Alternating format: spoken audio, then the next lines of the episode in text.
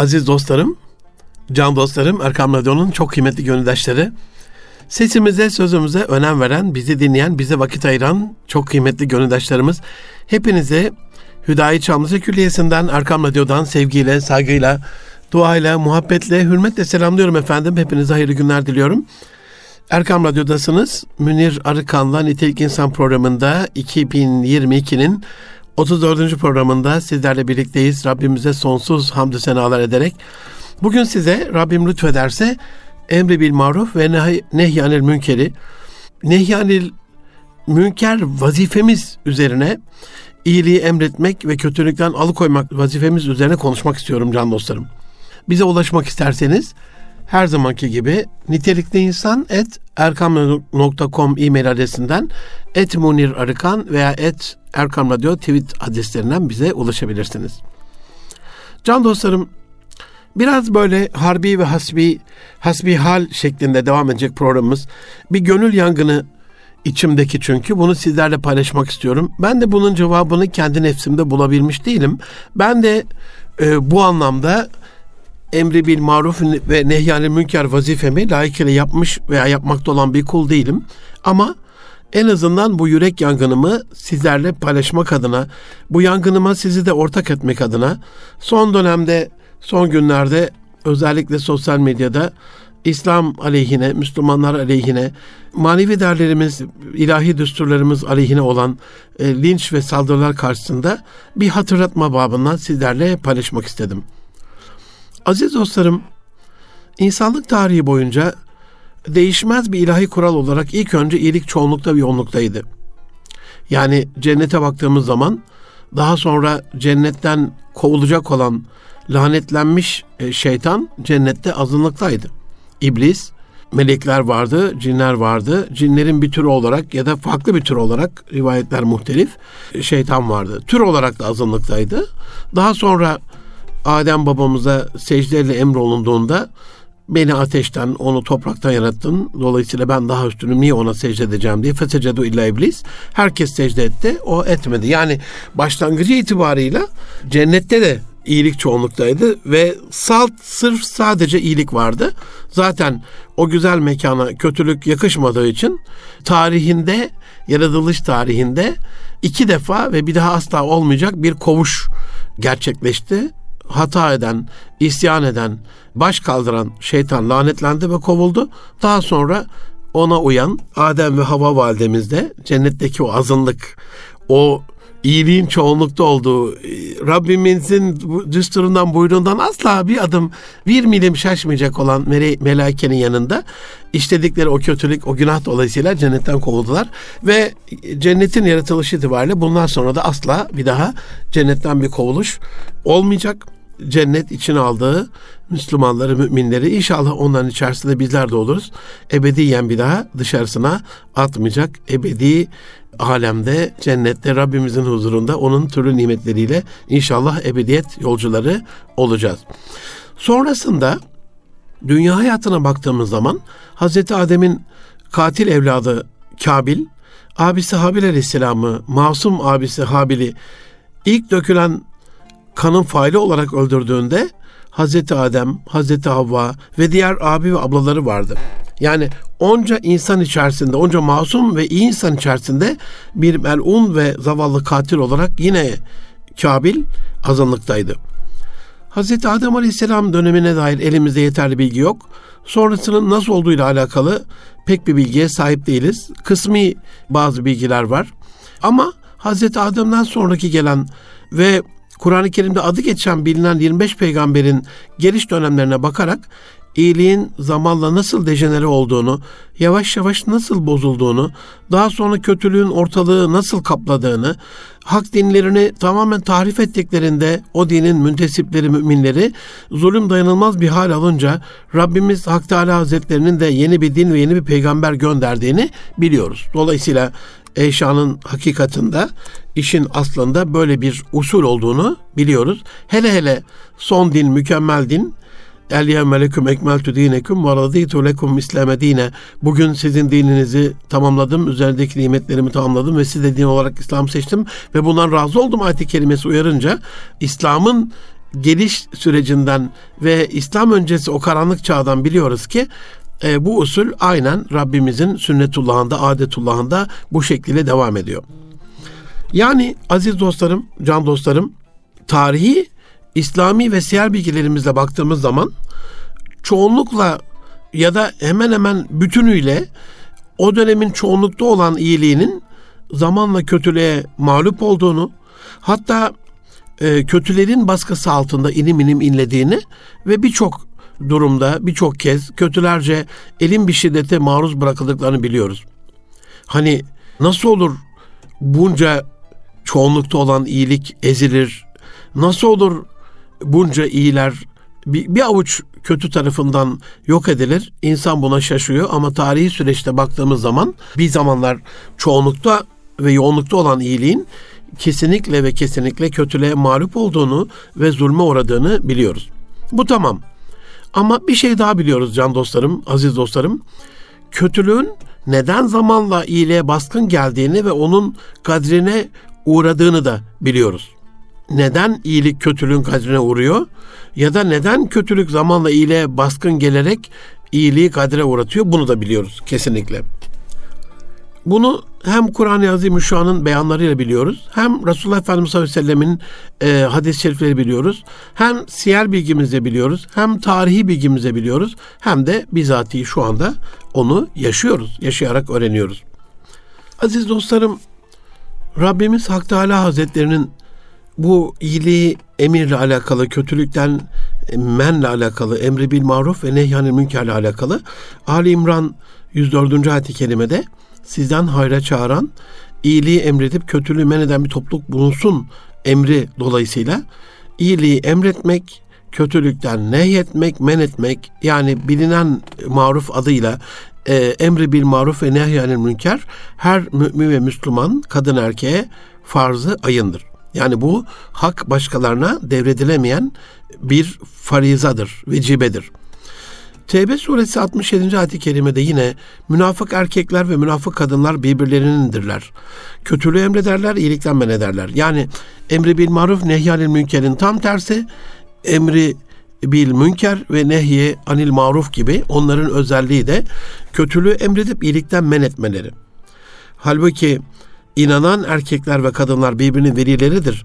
TB 71'de iyiliği emreder, kötülükten men ederler de bunun karşısında mümin ve Müslüman olan, mütedeyyin olan insanların özelliği oluyor. Yine Hac suresi 41. ayet-i kerimede onlar öyle kimselerdir ki kendilerine yeryüzünde iktidar verdiğimiz takdirde, güç kuvvet verdiğimiz takdirde namazı kılarlar, zekatı verirler, iyiliği emrederler ve kötülükten vazgeçirmeye çalışırlar. Geçenlerde e, executive coaching, yönetici koçluğu yaptığım bir şirkette çok böyle bununla alakalı bir hal yaşadık. E, ödemelerle ilgili, tahsilatla ilgili çok böyle sıkıntılı bir anda öğlen namazı kılacağız. Böyle mescide geçtik.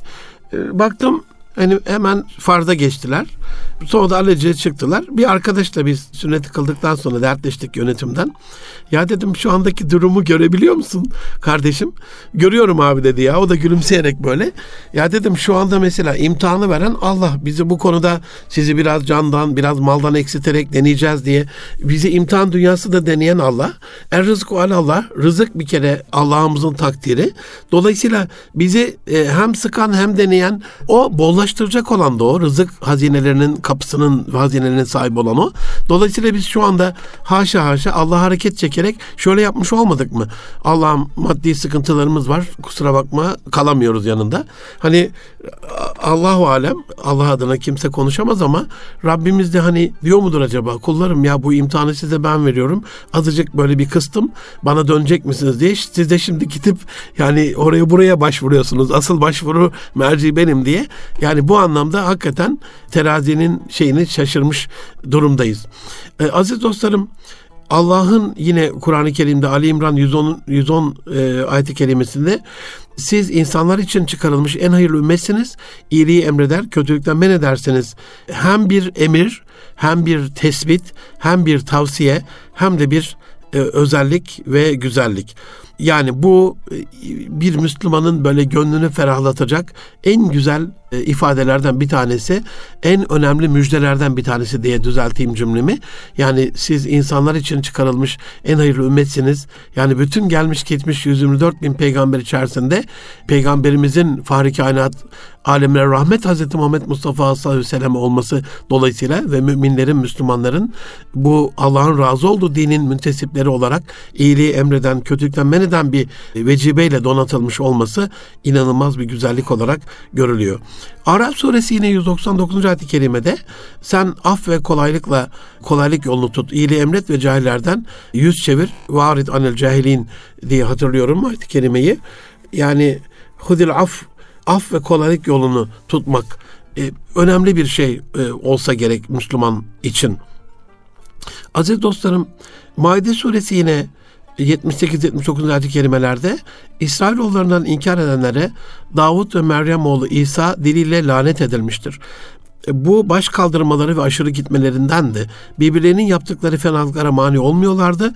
Yapmakta oldukları ne kötüydü. Burada da hani gördüğümüz, şahit olduğumuz fenalıklara mani olmamanın onların sonunu getirdiğini Rabbimizin diliyle görmüş oluyoruz.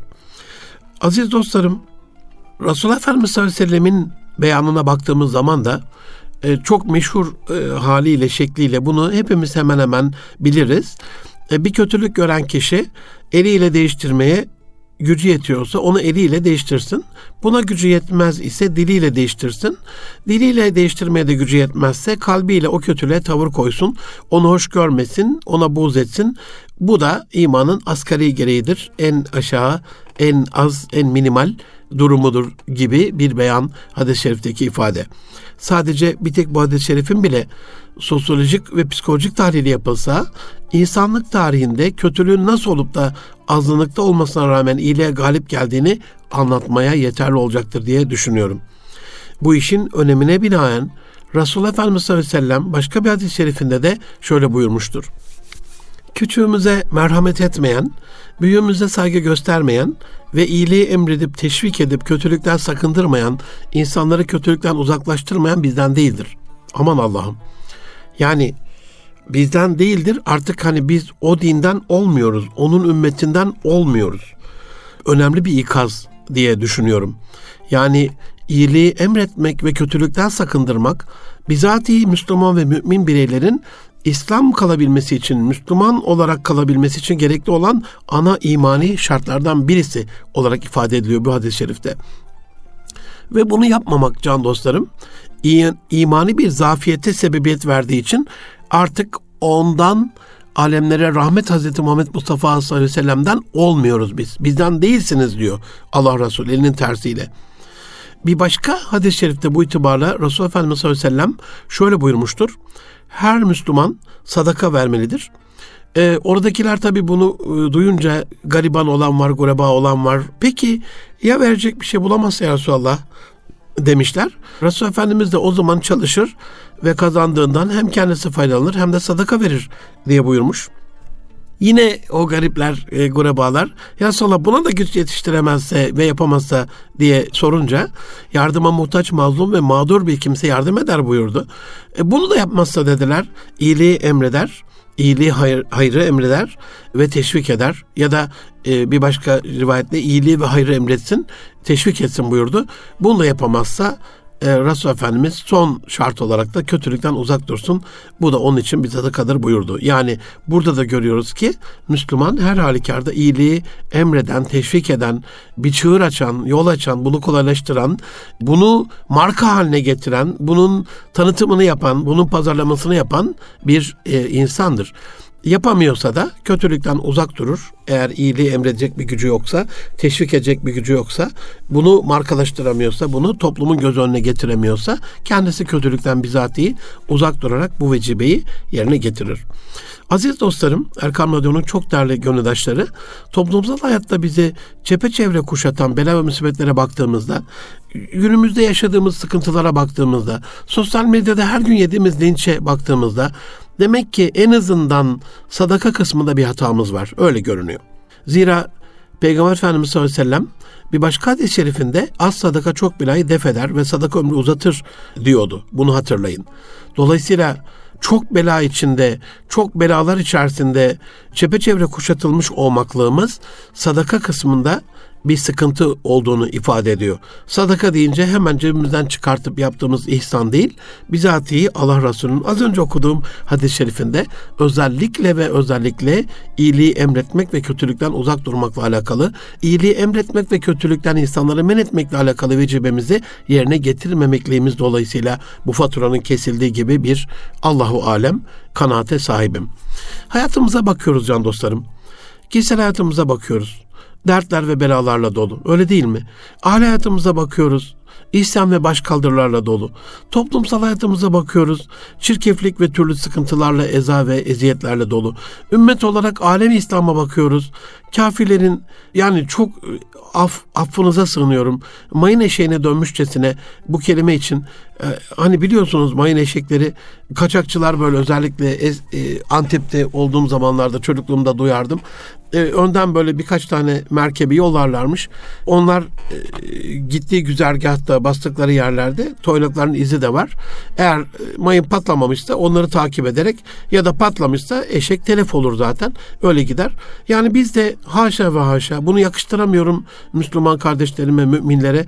Ama kafirlerin mayın eşeğine dönmüşçesine beynimizin didiklendiği, üzerimizde silahların denendiği, kadim İslam beldelerinin harabeye çevrildiği, bela üstüne bela içre kaldığımız bir, bir durumda aklıma başka bir tanımda gelmedi aziz dostlarım. Peki ama neden? Neden diye sormaklamız gerekmiyor mu? Kabe imamı yanık yanık dua ediyor ve biz de ağlıyoruz. Hem de Kabe-i Muazzama'da Allah'ım diyor karanlık uzun sürdü diyor. imdat diyor, medet diyor. Bir, bir çıkış göster ne olursun bir ferahlık ver diyor. Bir kurtuluş nasip et diyor. Ama el cevap heyhat. Nedenini 1440 sene evvel Allah Resulü iki hadis-i şerif ile açıklamış. Bunlardan birincisi can dostlarım bu canı bu tende tutan Allah'a yemin ederim ki ya iyiliği emredip teşvik edip kötülükten sakındırırsınız, uzaklaştırırsınız ya da Allah size bir ceza gönderir de ona dua edersiniz. O ezanın, cezanın, belanın kalkması için o duanıza karşılık vermez hadisi şerifidir. Yani önemine binaen bunu yeniden okumak istiyorum. Ola ki yolda, arabalarında, iş yerinde çalışırken tam kulak verememiş kardeşlerim için Allah Resulü Fahri Kainat Efendimiz Hz. Muhammed Mustafa sallallahu aleyhi ve sellem buyuruyor ki üzerimizdeki belaların bir sebebi olarak bu canı bu tende tutan Allah'a yemin ederim ki ya iyiliği emredip teşvik edip kötülükten sakındırırsınız, uzaklaştırırsınız, uzaklaşırsınız ya da Allah size bir ceza gönderir, bir bela gönderir, bir eziyet gönderir. Ona dua edersiniz ama o duanıza karşılık vermez buyuruyor. Bununla anlıyoruz, bununla görüyoruz ki ya iyiliği emredip teşvik edip kötülükten sakındırmadıkça Allah'ın bize size bir ceza göndermesi kaçınılmaz oluyor. Üstelik ceza verdiğinde bu halin kalkması için yapılan dualarda müstecap olmayacak aziz dostlarım. Ne acı bir durum değil mi? Bu hal, bu durum size de bir yerlerden tanıdık gelmiyor mu can dostlarım? İkinci hadis-i şerifte ise daha acı bir durumu tespit edip daha acı bir sonu işaret ediyor Allah Resulü sallallahu aleyhi ve sellem Efendimiz. Aç insanların yemek kabına üşüştükleri gibi. Nasıl? Nasıl nasıl? E Allah'ın Resulü aç insanların yemek kabına üşüştükleri gibi mi? Kim? Aç insanların yemek kabına üşüştükleri gibi yakında diğer milletler sizin başınıza üşüşeceklerdir. Anlamadılar tabii. Nasıl anlasın ki sahabe-i güzin, Hazreti Ömer Efendimiz mesela nasıl anlasın ki Hazreti Hamza nasıl anlasın ki o mübarek amcamız Kureyş'in karşısına dikilen yeğenini korumak adına. İki Ömer'den biri İslam'la şereflenince kırk olan, kırkını tamamlayan ve artık gizli saklı ibadet değil Kabe'de direkt tavaf eden, eline kılıcı alıp hadi yiğitseniz, mertseniz karşıma çıkın. Çocuklarını yetim ve öksüz bırakmak isteyen, eşini dul bırakmak isteyen erkekse yiğitse çıksın karşıma diye 10 bin kişilik Mekke'ye meydan okuyan, kafa tutan Hazreti Ömer var içinde. Nasıl anlasın ki bunu sahabe-i güzin? Ama ilk böyle e, tereddütünü yenen, şokunu atlatan sahabe-i güzinden bir tanesi Ya Resulallah o gün bizim az oluşumuzdan mı böyle olacaktır deyince daha acı bir şekilde Resulullah Efendimiz sallallahu aleyhi ve sellem bilakis sizler o gün çok olacaksınız. Fakat sizler sel üzerine akıp giden çerçöp gibi değersiz olacaksınız. Çerçöp gibi demekten kasıt nedir? Kalitesiz, niteliksiz, yeteneksiz, beceriksiz, değersiz olacaksınız diyor Allah Resulü sanki. Ve bu durumda Allah Celle Celaluhu düşmanlarınızın kalbinden sizden korkma duygusunu çekip alacak, sizin kalbinize ise vehni sokacak buyurdu. Yine dinleyenlerden bir sahabe-i güzin vehn nedir ya Resulallah deyince Resulullah Efendimiz dünyayı sevmek, ölümden hoşlanmamak buyurdu. İşte bugün içinde maruz kaldığımız duruma, yaşadığımız sıkıntıya, çektiğimiz eza, bela ve cefaya sebebiyet veren durumun Resulullah Efendimiz sallallahu aleyhi ve sellem tarafından bizzat açıklanışı bu şekilde. Dünyayı sevmek ve ölümden hoşlanmak. O kadar çok seviyoruz ki dünyayı. Aziz dostlarım, o kadar çok seviyoruz ki dünyayı. Çocuklarımızın dünya kariyerinde ilerlemesi için, dünyadan nasiplenmesi için, dünyadan nemalanması için özel hocalarıyla, mürebbiyeleriyle, okullarıyla, kurslarıyla, sınavlarıyla, dershaneyle, testleriyle, kariyer planlamalarıyla 4 artı 4 artı 4, 12 yıl artı 4 üniversite 16 yıl. Arada hazırlık sınıflarını, e, üniversiteyi kazanamayınca hazırlıkları, tekrar sınava gidişleri, tekrar girişleri falan düşündüğümüzde neredeyse 20 yıl bizatihi dünya peşinde bir kaynak harcıyor anne babalar çocukları için. Çocuklarının dünyası için. Çünkü dünyayı çok seviyorlar dünyanın etiketleri, dünyanın title'ları, dünyanın ünvanları, dünyanın ödemeleri, maişeti, parası, maaşı, sigortası ya da emeklilik maaşı hoşlarına gidiyor. Orada bir kariyer artışı, orada bir ödeme artışı, orada bir gelir artışı e, bekliyorlar. Sanırım ölümden bu hoşlanmamak ve enle alakalı da kasıt cihadı sevmemek ve cihadı terk etmek olsa gerek. Zira muhakkak ki ben cennetin kokusunu Uhud Dağı'nın önünde buluyorum diyerek cihada koşan Enes bin Nadır gibi cennetlik sahabeleri müjdeler bize. Allah Resulü Farikanet Efendimiz Hazreti Muhammed Mustafa sallallahu aleyhi ve sellem. Aziz dostlarım, Müslümanın izzeti cihattadır. Müslüman cihat ile kafire korku salar. Müslüman cihat ile programın başında bahsettiğim iyiliği emretmek ve kötülükten alıkoymak vazifesini ifa eder. Batı bunu bildiği için Osmanlı yıktıktan sonra kurduğu yeni dünya düzeninin ilk kuralı olarak bundan sonra savaş yoluyla ülke ele geçirmek ve işgal etmek yoktur diyerek Müslümanların cihat vazifesini tırpanlamak istemiştir. Batı'nın bütün bir araya gelen ittifakları, pakları, askeri heyetleri teşkil ettikleri, bir araya getirdikleri güçleri Müslümanları bizatihi bu cihattan alıkoymak içindir. Böyle planlanmıştır. Peki bunu bütün dünya için mi istemişlerdir? Asla. Batı Müslümanları cihattan alıkoymak adına Birleşmiş Milletler ile hem de bu ülkeyi ana kaydı olarak ortaya koyarken kendi işgal, katliam ve soykırımlarını devam ettire gelmiştir ve devam ettirmektedir derdi aynı zamanda. Aziz dostlarım, Osmanlı yıkma sürecinde sömürgecilikte paylaştıkları Afrika'ya, yağmaladıkları Kızılderili ülkesi Amerika'ya, aborjinlerin diyarı Avustralya'ya, nihayetinde bu cennet vatan Anadolu'ya baktığımızda sayısız savaşlar, katliamlar, işgaller ve soykırımlar icraatlerini görürüz Batı'nın. Büyük adalet ve imar uygarlığı Osmanlı'da bu hususu tespit edip anlayan ecdadımız içten içe bu sorunun e, çözümünü bulduğu için reçetelerini geniş halk tabanına yaymış durumdaydı. Aziz dostlarım, kısa bir ara vermek istiyorum.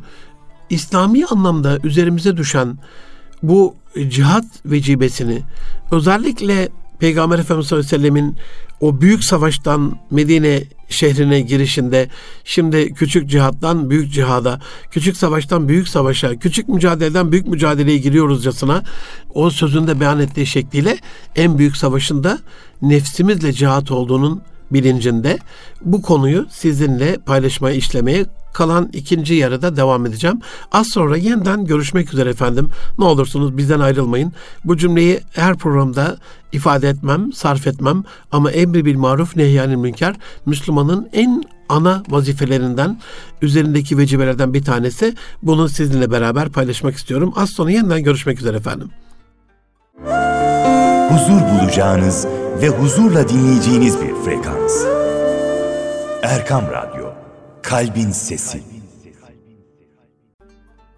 Aziz dostlarım, can dostlarım, Yeniden birlikteyiz. Erkam Radyo'da Münir Arıkan'la Nitelik İnsan programında 2022'nin 34. programında Emri Bil Maruf ve Nehyanil Münker mükellefiyetimizle ilgili programımıza kaldığımız yerden devam ediyoruz. Can dostlarım en son programın ilk yarısının bitiminde büyük adalet ve iman uygarlığı o güzide ceddimiz Osmanlı'nın bu hususu tespit ettiğini, bunu anladığını ve içten içe bu sorunun çözümü için bulduğu reçeteleri de geniş halk tabanına yaydığını söylemiştim. Bununla alakalı çok hoş da bir menkıbe var. Cihan İmparatorluğu Kanuni Sultan Süleyman dedemizle ilgili ve e, onunla dönemin ulemalarından olan Beşiktaş'ta Yahya Efendi arasında geçen e, çok böyle hoş e, ve bugünün sorunu olan bu emri bil maruf ve nehyanil münker vecibemizin üzerimizden düşmüşlüğüyle alakalı düşmemekliği lazımken bunun yerine getirilememesi ile alakalı çok hoş bir menkıbedir. Osmanlı'nın e, en muhteşem dönemiydi. Zaman Kanuni Sultan Süleyman devri kazanılan zaferleri bir düşünün. Yani Kanuni Sultan Süleyman yani. Nice topraklar fethediliyor. Devletin üstünlüğünü, gücünü bütün cihana yayıyorlardı. Allah ebeden razı olsun bütün ilahi kelimetullah adına canını veren, kan akıtan bütün şehitlerimizden. Öyle bir şanlı devlet oluyor ki tarihçiler o dönem için muhteşem yüzyıl tabiri kullanıyorlar. Ee, bugün İstanbul Boğazı'nda göğe yükselen birçok cami kubbeleri onun döneminde, Kanuni Sultan Süleyman döneminde yapılıyor. Devletin şanı bu kubbelerle cihana e, yayılıyordu. Bir gün Kanuni Sultan Süleyman acaba bu şanlı devlet nasıl son bulacak diye hani her böyle yükselen e, her ikbal zevale uğrayacak ya e, Osmanoğullarının akıbeti ne olacak? Bu devlet nasıl yıkılacak diye e, düşünmeye başladı. Fransa'da dansı yasaklatan bir mektubuyla, bir fermanıyla Almanları iki saatte bozguna uğratan, Barbaros'la Akdeniz'i Türk Gölü haline getiren, Mimar Sinan ile yıkılmaz kalıcı eserler yapan Kanuni Süleyman, bu şanlı devletin nasıl yıkılacağı hakkında derin derin e, düşünceye dalmıştı. Devlet nasıl yıkılır? Devlet nasıl yıkılır? Devlet nasıl yıkılır? E, bu cendereye kapılan Kanuni aklındaki soruyu Beşiktaş'ta Efendi yazarak sormaya karar verdi. Mektubu yolluyor. Ondan sonra bir müddet sonra Yahya Efendi'den cevap geliyor. Neme lazım. Yani ferman gibi bir kağıda, bir parşümene, bir hüsnü hat kağıdına çok güzel bir hatla neme lazım yazılmış. E, Beşiktaşlı Yahya Efendi'den gelen mektuptan Kanuni Süleyman tabi hiçbir şey anlamamıştır. Mektupta neme lazım be sultanım yazmaktadır. Hani yazılan cevaptan bir şey anlamayan Kanuni soluğu Yahya Efendi dergahında alır destur ister, huzura varır. Kanuni bu verdiğin cevapta bilmediğimiz bir mana var mıdır yoksa bizi geçiştirir misin üstadım diye sorar. Ya efendi de sultanım sizi geçiştirmek ne haddimize yani siz kanunisiniz. Ben sorunuzu iyice düşündüm, tefekkür eyledim ve kanaatim açık açık da size yazdım. Ee, yazılı olarak bunu size beyan ettim diye. Tabii dayanamaz Kanuni Sultan Süleyman tekrar söze girer. Fakat der üstadım ben bir şey anlamadım. Bu devlet nasıl yıkılır diye size sordum. Bu devlet nasıl yıkılır deyu hatta onun şeyiyle tabiri size sordum. Aman beni karıştırma sultanım der gibi bir cevap geldi sizden.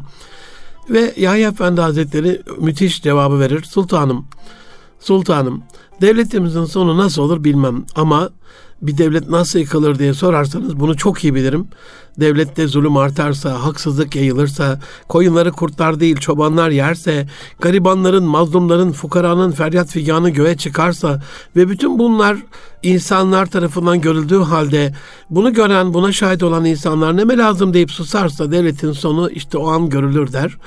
Koca Sultan bu söylenenleri gözyaşıyla dinler ve Allah'a kendisini böyle ikaz eden bir alimi yolladığı için, onunla tanışmasını sağladığı için şükreder. Aziz dostlarım, işte emri bil maruf ve nehyanil münkerden kaçış cümlesidir neme lazım. Biz neme lazım diye kaçtıkça küfür ve kötülük bize vazife lazım diye kendi üzerine alıyorlar iyiliğin yayılmamasını, iyilikle alakalı bütün set çekmeyi, had bildirmeyi. Yeter ki iyi bir insan bir güzellik yapsın, buna mani olmayı. Yani 28 Şubat'ın o meşhum yıllarını, o zalim, e, o darbeci, o Jacoben yıllarını bir düşünün. Çok iyi hatırlıyorum. İşte adına araştırmacı gazeteci denilen zavallı meczuplar işte bilmem ne okulunda öğrenciler namaz kılıyordu diye sanki hani haşa haşa haşa e, bir eğitim yuvasında öğrenciler kendi arasında fuhuş yaparken yakalanmışçasına hani ancak o manşet öyle atılır yani. Bir suç işlemişçesine inanılmaz bir feryadı figan. Neden? Çünkü iyilik yayılmasın. Neden? Çünkü kötülük yayılsın. Neden? Çünkü insanlar kötü olsun. İşte aziz dostlarım tam da bu durum için Allah Resulü Fahri Kent Efendimiz sallallahu aleyhi ve sellem şöyle buyuruyor aralarında günahlar işlenip durduğu halde bu günahları işleyenlerden daha güçlü ve onları engellemeye muktedir iken bunu yapmayan topluluğun hepsine birden Yüce Allah azap verir. Üzerimizde bir azap var. Üzerimizde Allahu alem bir gazap var. Öyle bir hal aldı ki kötülük Eskiden kötüler kötülüklerinin cezasını çekerken şimdilerde Kur'an-ı Kerim'den ilahi mesajlar veren Diyanet İşleri Başkanları mahkemeye veriliyor. Şimdilerde aleyhlerine şikayet dilekçeleri veriliyor. Şimdilerde nerede bir din alimi İslami bir söz söylese linç yiyor. Şimdilerde nerede bir muhatip hocası öğrencileriyle İslami bir faaliyet yapsa soruşturma açılıyor, tayini çıkartılıyor, sürgün ediliyor. Ee, dolayısıyla Eskiden bu kadar gür çıkmazdı kötülüğün sesi aziz dostlarım. Kötülük iyiliği gördüğünde sus pus olurdu. Bu kadar pervasız değildi kötüler ama şimdilerde hani evvel yo idi iş bu iş yeni çıktı diye söylüyor ya şair aynen böyle kötülerin azması, kötülerin yayılması, iyilerin susmasından olsa gerek. Gerçekten aziz dostlarım bu kadar pervasız değildi kötüler eskiden ellerinde ahlaksızlık sembolü olan LGBT paçavraları taşıyamazlardı. Hele hele bu paçavraları halkın katılım sağladığı, içlerinde çocuklar, gençler, ailelerin olduğu geniş halk kitlelerine sahnelerden sallayamazlardı. LGBT lehine bir korumacılık ifade eden, bunu teşvik eden bir beyanat veremezlerdi. LGBT'li sapkınlar bir kamu görevlisi, bir üniversite sektörünün arabasının üstüne yarı çıplak çıkıp orada tepinemezlerdi. Milliyetçi muhafazakar söylemlerle siyaset yapan bazılarının yüzünde böyle Rabbiyetsiz gördüğünü ifade ettiği belediye başkanları halkın parasıyla zıvanadan çıkmış ucube konserler, hikat garibesi figürlerle zombi hareketler aratmayan dans programları yaptıramazlardı. Onların siyasi partileri LGBT'yi koruyamaz. Hele hele bu azgın ve sapkın güruh adına onun dedikleri ve onur diye tabir ettikleri malum yürüyüşlerinde milletin vekilleriyle en önde saf tutup boy gösteremezlerdi. Bu siyasi partilerin başkanları LGBT aile mefhumuna karşı bir tehlike mi sorusuna televizyonlardan halkın gözünün içine baka baka ne alakası var ne alakası var diye reddiyeler dizemezlerdi. Küfür eskiden yalnızdı. Kötülük azdı. Müslümanlar izzetliydi ve küfür yalnız kötülük az Müslümanlar izzetliyken kılık kıyafette hal ve harekete toplumsal yaşantıda iyilik çok daha görünür durumdaydı. Ön plandaydı. Mesela çok değil 40 yıl önce rahmetli Hamdi dayım e, Allah bütün geçmişlerimize rahmet eylesin.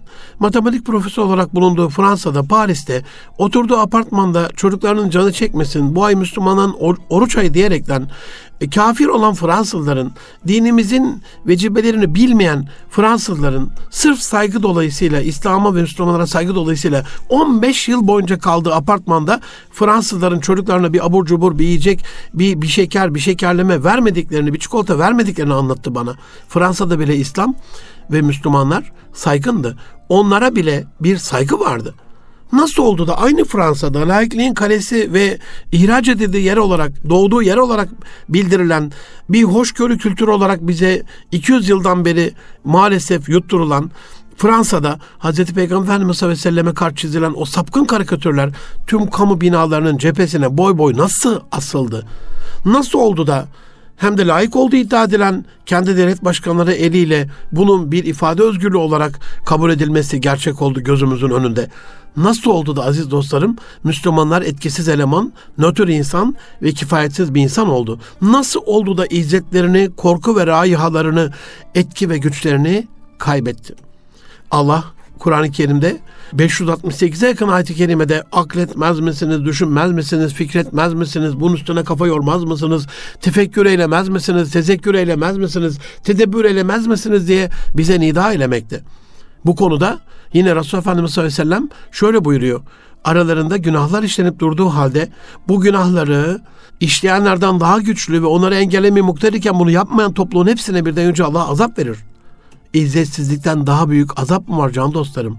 Şu cennet vatanda, şu müjdelenmiş şehri İstanbul'da, şu her karışı onlarca şehit kanıyla sulanmış Anadolu'da, şu hemen hemen her ilinde bir sahabe-i güzinin mezarı şerifi bulunan Müslüman ülkemizde, şu sahabe esintilerinin üzerimizde olduğu İslam diyarında Kur'an-ı Kerim'e söylemeye insanın dili varmıyor. Röveşata çekilen okullar gördü kör olmayasıca gözlerimiz. İslam'ı ağır hakaretler yapan çocuklarımı izledi sokak röportajlarında. Ateist ve de- deist geçinen yavrularımıza bununla gurur duyan, bunu saklamayan, bunu alenen insanlara beyan eden çocuklarımıza, yavrularımıza şahit oldu bu gözler. Ezanı zor gören, ezanı eziyet gören, kulakları ezan sesine yabancı ve yalancı, kendileri camiye ve minarelere düşman nesiller gördü bu gözler. Avrupa'da anlıyorduk biz bunu. Gittiğimiz zaman Yunanistan'da anlıyorduk. Balkanlarda anlıyorduk. Bulgaristan'da anlıyorduk. Hemen kapılarına dayanıp Viyana'dan geri döndüğümüz Avusturya'da, biraz daha ileride Almanya'da, daha ileride Fransa'da, en ileride İspanya'da ve bir sömürge devleti olan en uç karakol Portekiz ve İngiltere'de bunu anlıyorduk. Avrupa'da anlıyorduk bunu. Sürekli camilerimizin önüne kesilmiş domuz kafası atılan kafirleri görmüştük. Ve neredeyse buna alışmıştık. Cami yakan canileri görmüştük. Hala da görmeye devam ediyoruz. Şu anda şahit olduğumuz ve alıştırılmak istenilen durum çok daha vahim. Eline silah tutuşturulan bir cani camilerimize girip saf tutan Müslümanları tarıyor onlarcasını şehit ederek. Buna da alıştırmaya çalışıyorlar bizi. Ama ezan okudu diye, sela verdi diye, namaz kıldı diye dayak yiyen, yolda yürürken neden o başörtüsünü takıyorsun diye başörtüsü başından çekilen, hakarete uğrayan Müslümanlar da gördük bu ülkede. Çok değil ya, çok değil. Yüz yıl önce Yunan kafiri, Fransız kafiri, İtalyan kafiri, Amerikan kafiri, İngiliz kafiri değmesin mabedimin göğsüne namahrem eli diyerek haykırarak başörtüsüne, çarşafına, kılık kıyafetine, örfüne, töresine, diline, dinine dokunmasın diye yapılmadı mı kurtuluş mücadelesi? Biz bu savaşı bunun için vermedik mi? Hadi 28 Şubat bir Amerikan projesiydi. Amerika'ya maşı olmuş FETÖ'süyle, baronları ve monşerleriyle, satılmış hain askerleriyle, darbeci, gaddar ve zalim ajanlarıyla İslam'a karşı yapılan zulümleri anlayabiliyoruz. Hadi 28 Şubat, hadi bin yıl sürecek diye tasarladıkları bir zulüm ve darbe imparatorluğu başörtülü kızlarımızın okul kapılarında coplanıp yerlerde sürüklendiği yılları geçiyorum bu açıdan. Ama nasıl oluyor da 2022 yılında hala namaza, oruca, ezana bunca düşmanlık yapabilen, nüfus cüzdanında İslam yapan zavallı bir güruh var hala ortada, ortalık yerde. Ve bu zulüm hala nasıl devam edebiliyor aziz dostlarım? Nasıl? Bunun sebebini az önce açıkladım aslında. 12 bin kilometre öteden gelip alem İslam'ın zarif, latif, nezih şehirlerini talan edip halklarını katleden Amerika, yanı başımızda soydaşlarımızın Gümülcine'de, Kırcali'de, Priştine'de, Kosova'da, Saraybosna'da, Dağlık Karabağ'da, Şam'da, Kudüs'te, Halep'te, Bağdat'ta katliamlar yapan Avrupa bizim oralarda olmamızı istemiyor. Çok değil, yüz yıl evvel gelip Anadolu'yu yediye bölen, Burada da Afrika'da yaptığı gibi bir sömürge uygarlığı kuracağını, imparatorluğu kuracağını zanneden ama kös kös dönmek zorunda kalıp burada yenilen, burada yok edilen, buradan kovulan Avrupa şimdi onların sömürdüğü yerlerde o kardeşlerimize yeniden izzet kazandırmamızı istemiyor. Onlara savaş ve katliamlar bu yüzden serbest. Bizlere imar, ihya ve inşa için yapacağımız cihat yasak. Öyle mi? Onlar CIA ve FBI ile, onlar Mossad ve KGB ile, onlar M16 ve BND ile yabancı ülkelerde darbe ve katliam dahil her türlü yasa dışı faaliyet yapacaklar. Ama biz kendi ülkemizde, kendi dinimizde, kültürümüz ve örfümüz ile yaşayamayacağız öyle mi? Kendi dinimizin, örfümüzün, inancımızın gereklerini söyleyemeyeceğiz öyle mi? Kendi dinimize bir saldırı yapılırken buna karşı çıkmayacağız öyle mi? Boğaz içinde LGBT paçavları sallayarak rektörün arabasının üzerinde yarı çıplak dans eden melunları gördünüz işte. Cumhurbaşkanımızın atadığı gayet de kanuni, gayet de devletin hakkı olan bir atamayı bile baş kaldırı yapabiliyorlar. Onlara bu serbest oluyor. Onlar kötülüğü bir başka kötülükle de paketleyerek kötülük içre kötülük yapabiliyorlar. Ama biz net bir şekilde kendi safımızı, kendi tavrımızı, kendi inancımızı haykırmayı geçtim hadi ama söyleyemeyeceğiz bile öyle mi? Bu konuda bir sinyal bile veremeyeceğiz öyle mi? Tabii ki öyle değil. Tabii ki bu mikrofonlardan, tabii ki sahip olduğumuz bütün kaynaklardan, bütün araçlardan dinimizin, bu güzel din İslam-ı Mübin'in bütün vecibelerini gücümüz yettiğince çok da güzel bir tarza, üslubu hakim ile, kavle leyinle, kavle marufayı, emri bil maruf ve nahil münker adına söyleyeceğiz tabii ki. Alemi İslam'ı bu garip kuluna sormaz inşallah Rabbim. Bana sorması muhtemel olan şey kendi nefsim ve ailemdir. Bu açıdan Tahrim 6'da Rabbimiz bu emri bil maruf ve nehyanil münkerin nasıl yapılacağı ile alakalı bir strateji belirlemiş aslında bize. Bismillahirrahmanirrahim. Ya eyyühellezine amenu. Ey iman edenler ku enfusekum. Koruyun kendi nefislerinizi ve ehlikum ve ailenizi ehlinizi naran ateşten cehennemden nasu vel hicara yakıtı insanlar ve taşlar olan cehennem ateşinden nefsinizi öncelikli olarak ve ailenizi, ehlinizi koruyun ey iman edenler diyor. Ey iman edenler kendinizi ve yakınlarınızı yakıtı taşlar ve insanlardan olan ateşten koruyun diyor. Bunu boşuna demiyor Rabbim. Aslında bu ayet-i kerime kendi içerisinde eşsiz bir kurtuluş reçetesinde ifade ediyor aziz dostlarım bize. Peki kurtuluş ne ola ki? Kurtuluş önce kendimizi, sonra ailemizi yakıtı insanlar ve taşlar olan cehennem ateşinden korumak ve kollamak. Yani yanesi şu aziz dostlarım. Müslümanın emri bil maruf ve nehyenil münker ile ilgili yani iyiliği emretmek ve kötülükten alıkoymakla ilgili vazifesi ilk önce kendi nefsinde başlar. Yani Müslümanın ilk önce kendisine geçecek sözü. Kendisine söz geçiremeyen nasıl ailesine söz geçirsin? Ailesine söz geçiremeyen nasıl topluma söz geçirsin? Sözünüzde tesiri, hayatınızda izzeti istiyorsanız Kur'an'ı reçete kendi nefsinize hakim olmanızdan geçiyor. Bu güzel nefis, nefis bir şekilde ailesine, çoluğuna, çocuğuna örnek olarak, örnek olacak ailesinin değişim ve dönüşümüne de rehberlik yapacak, rehberlik yapabilecektir. Biz hep sigara içen babanın çocuğa sigara içme demesine odaklandık. Ama olay bu kadar basit değil. Allah'a Hazreti İbrahim ya da Hazreti İsmail ya da Hazreti Musa imanıyla bağlanamayan bir insan kendi ailesini nasıl İslam'a bağlayabilsin Allah aşkına? İslam'la kötülüğe karşı nasıl el, ayak ve gönül bağlasın Allah aşkına? Rabbimiz size verdiğimiz üzerindeki nimetleri sayamazsınız buyuruyor ya. Aynen öyle. Biz de bir saymaya kalksak kendimizin günahını, hata ve yanlışlarını saymakla bitiremeyiz. Öyle değil mi aziz dostlarım? Hal böyleyken iğneyi kendimize, çuvaldızı başkalarına batırma hali de orta yerde gözümüzün önünde durmaktayken biz nefsimizi Müslüman yapmadan toplumu peygamber yapmak istemekteyiz. Keşke bir liste yapabilsek. Keşke madde madde yazabilsek. Hayattaki yanlışlarımız neler? Ben nerede yanlış yaptım diye bir sorabilsek kendimize. Ne cevaplar bulacağızdır bu aziz sorumuza cevap olarak.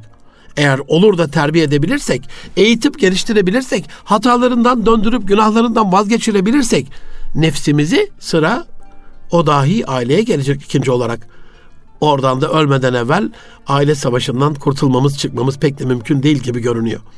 Nihayetinde herkesin evinin önünü temizlediği bir şehirde her yer elbette tertemiz olacak, akupak olacaktır her kişinin, her ailenin tam da olması gerektiği gibi olması durumunda iyiliğin kişi ve aile boyutunda emredildiği, kötülüğün kişi ve aile boyutunda engellendiği bir hayatta durumu bir hayal edin can dostlarım.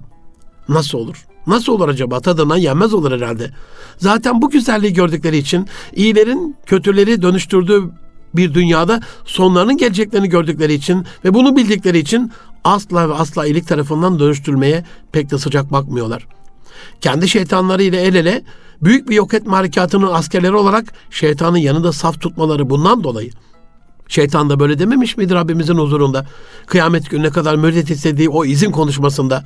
Sonra andolsun okullarının önlerinden, arkalarından, sağlarından, sollarından sokulacağım onlara. Ve sen onlardan çoğunu şükreden kimselerden bulamayacaksın dememiş miydi o melun? İşte şu anda içinde bulunduğumuz savaş tam olarak bu. Ya kıyamet alameti olarak bu kötülüklere ki şimdi azınlıktalar ama biz yine de mağlup olacağız bu şekilde devam edersek ya da iyiliği emretmeye ve kötülükten sakındırmaya kendi nefsimiz ve ailemizden başlayıp burada elde edeceğimiz galibiyetin gücüyle toplumsal bir mücadele kazanacağız aziz dostlarım. Yoksa bu azgın ve sapkın güruhun aynı Lut Aleyhisselam dönemindeki gibi evlerimizin kapılarına dayanması yakındır. Sakın yapamazlar sanmayın sakın. Aslında şu anda dayandılar evlerimizin kapılarına. Biz sadece farkında değiliz. Başta Avrupa ve Amerika olmak üzere batıdan çocuklara mecburi din dersi verilmez. Bırakın çocuklar kendilerini büyünce kendileri seçsin diyen alçaklar böyle bir akım getirdiler bize batıdan. Şimdi işi daha da çirkinleştirerek işi bırakın çocuklarının cinsiyetlerini de kendi kendilerine büyünce karar versinlere getirdiler. Siz kız mı erkek mi diye onları belli isimlerle, belli kılık kıyafetlerle, belli tavırlarla, belli törelerle, belli gelenek ve göreneklerle ayrıştırmayın. Bırakın büyüsün. Çift cinsiyetle büyüsün, özgür cinsiyetle büyüsün. Dayatmayın sapkınlığına getirdiler konuyu. Cinsiyet eşitliği safsatası ile bu söylemin ardına sığınarak kişiyi ve aileyi yok etmek için uğraşıyorlar. Görmez misiniz? Allah aşkına görmez misiniz? Bu garip kardeşinizden size bir çağrı şimdi. Bir imdat çağrısı dertli Müslümanlar olarak LGBT sapkınlıktır, hastalıktır, milli ve manevi değerlere savaş açan bir terör hareketidir diyebilecek bir psikolog bulamıyoruz şu cennet vatanda. Cinsiyete Allah tarafından verilen default bir fıtrattır. Fabrika yarıdır. Sonradan değiştirilemez. Böyle bir sapkınlık olamaz diyecek bir psikolog bulamıyoruz. 3-5 müstesna gönlü güzel insan başka.